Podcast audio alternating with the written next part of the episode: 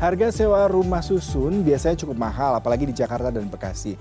Namun ternyata ada loh rusun sewa cuma Rp10.000 per bulan di wilayah Jakarta dan Bekasi. Rusun tersebut berada di Sentra Mulia Jaya Bambu Apus, Kecamatan Cipayung, Jakarta Timur, dan di Sentra Terpadu Pangudi Luhur di Bekasi. Kedua rusun tersebut dibangun atas kerjasama antara Kementerian Sosial dengan Kementerian Pekerjaan Umum dan Perumahan Rakyat yang diresmikan pada 2023 lalu. Rusun tersebut dibangun khusus untuk masyarakat prasejahtera atau kelompok miskin dan rentan.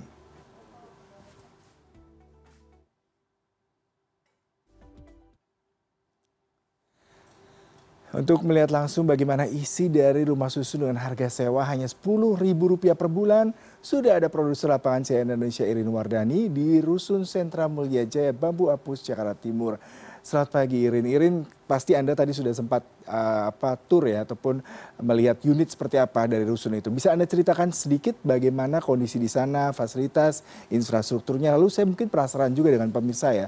Sebenarnya skemanya seperti apa sehingga penghuni itu bisa layak dan bisa dianggap orang yang tepat untuk menempati rusun tersebut dan hanya membayar Rp10.000 per bulan.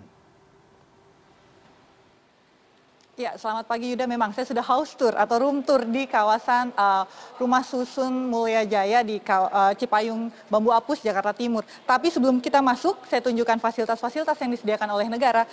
Ini ada sebuah uh, alat pengamanan yang saya pikir ini adalah sebuah ide yang bagus dari pemerintah untuk salah satu jaring pengaman dalam dalam arti yang sebenarnya. Kalau Anda bisa lihat rusun ini terdiri dari lima lantai Yuda sehingga riskan sekali bagi anak-anak atau uh, orang dewasa bahkan mengalami kecelakaan di uh, ketika tinggal di rusun sini atau ketika beraktivitas main atau seperti apa. Karena kita tahu kan anak-anak lincahnya seperti apa sehingga pemerintah mendesain uh, pengamanan seperti ini dengan uh, jaring tambang-tambang seperti ini. Dan ini jarang sekali saya lihat di fasilitas-fasilitas milik bahkan milik pemerintah sendiri. Tapi di rusun ini pemerintah melalui Kementerian Sosial dan PUPR uh, ide banget kok kata anak muda ya bilangnya, ini menggunakan jaring ini sebagai jaring pengaman. Jadi selain jaring pengaman sosial juga ada jaring pengaman fisik. Nah untuk jaring pengaman sosialnya kita lihat nih fasilitas Yuda dari yang sudah disediakan oleh Kementerian Sosial dan juga dari Kementerian PUPR. Nah, selamat datang di Rusun Mulia Jaya. Seperti ini.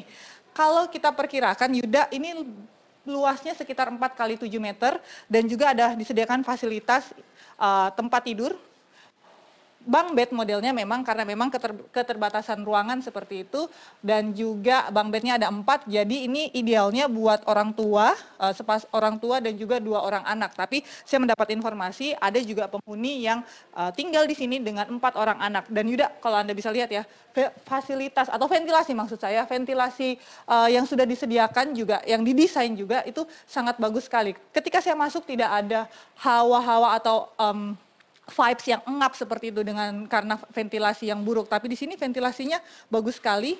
Jadi ini memang rumah yang disediakan dipikirkan benar walaupun harga sewanya hanya Rp10.000 saja dan itu menurut pengelola bukanlah harga sewa tapi uh, merupakan harga bentuk komitmen uh, masyarakat untuk juga ikut merawat uh, fasilitas yang sudah disediakan oleh pemerintah seperti itu dan juga uh, sebagai bentuk komitmen mereka agar tidak sembarangan seperti itu. Jadi punya komitmen lah untuk bayar walaupun hanya 10 ribu karena kita tahu mereka adalah dari masyarakat uh, kelas menengah bawah atau masyarakat yang rentan ekonominya. Dan kalau di sini tinggal bawa baju saja Yuda sudah disediakan alat makan seperti ini. Jadi saya alat makannya juga ada setengah lusin, ada enam buah gelas, eh, enam pasang sendok garpu dan juga enam piring. Jadi memang benar-benar sudah disediakan. Selain alat makan, dua lemari yang cukup untuk menampung baju, saya ajak ke dapur seperti itu.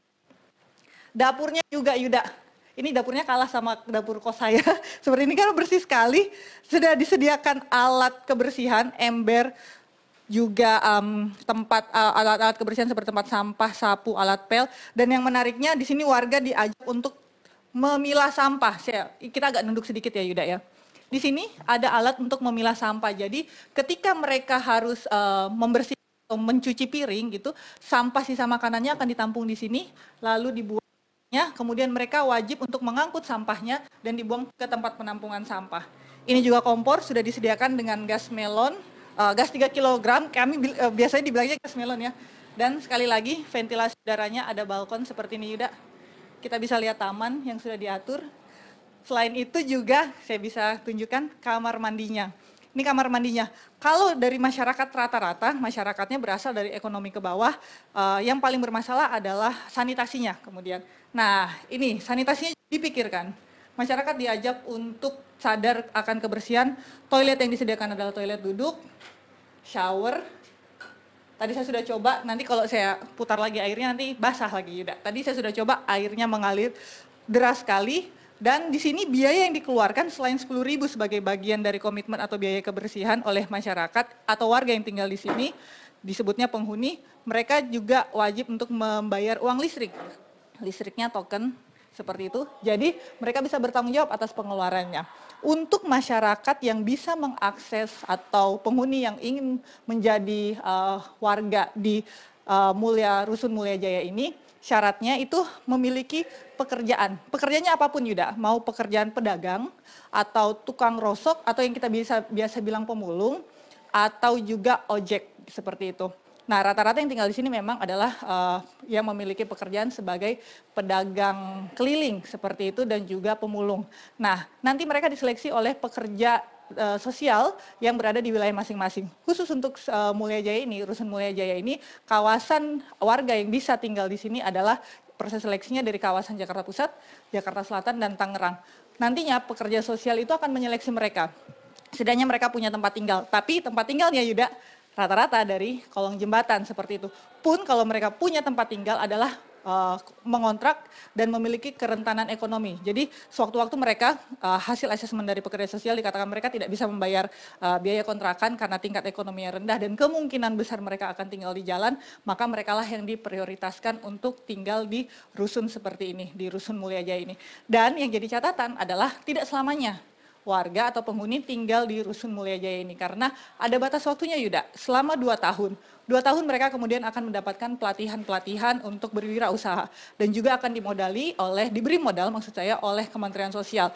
Jadi tadi saya mendapatkan info saat ini sedang disiapkan pelatihan menjahit kemudian uh, entrepreneurship atau berdagang seperti itu dan juga memasak atau untuk membuka catering.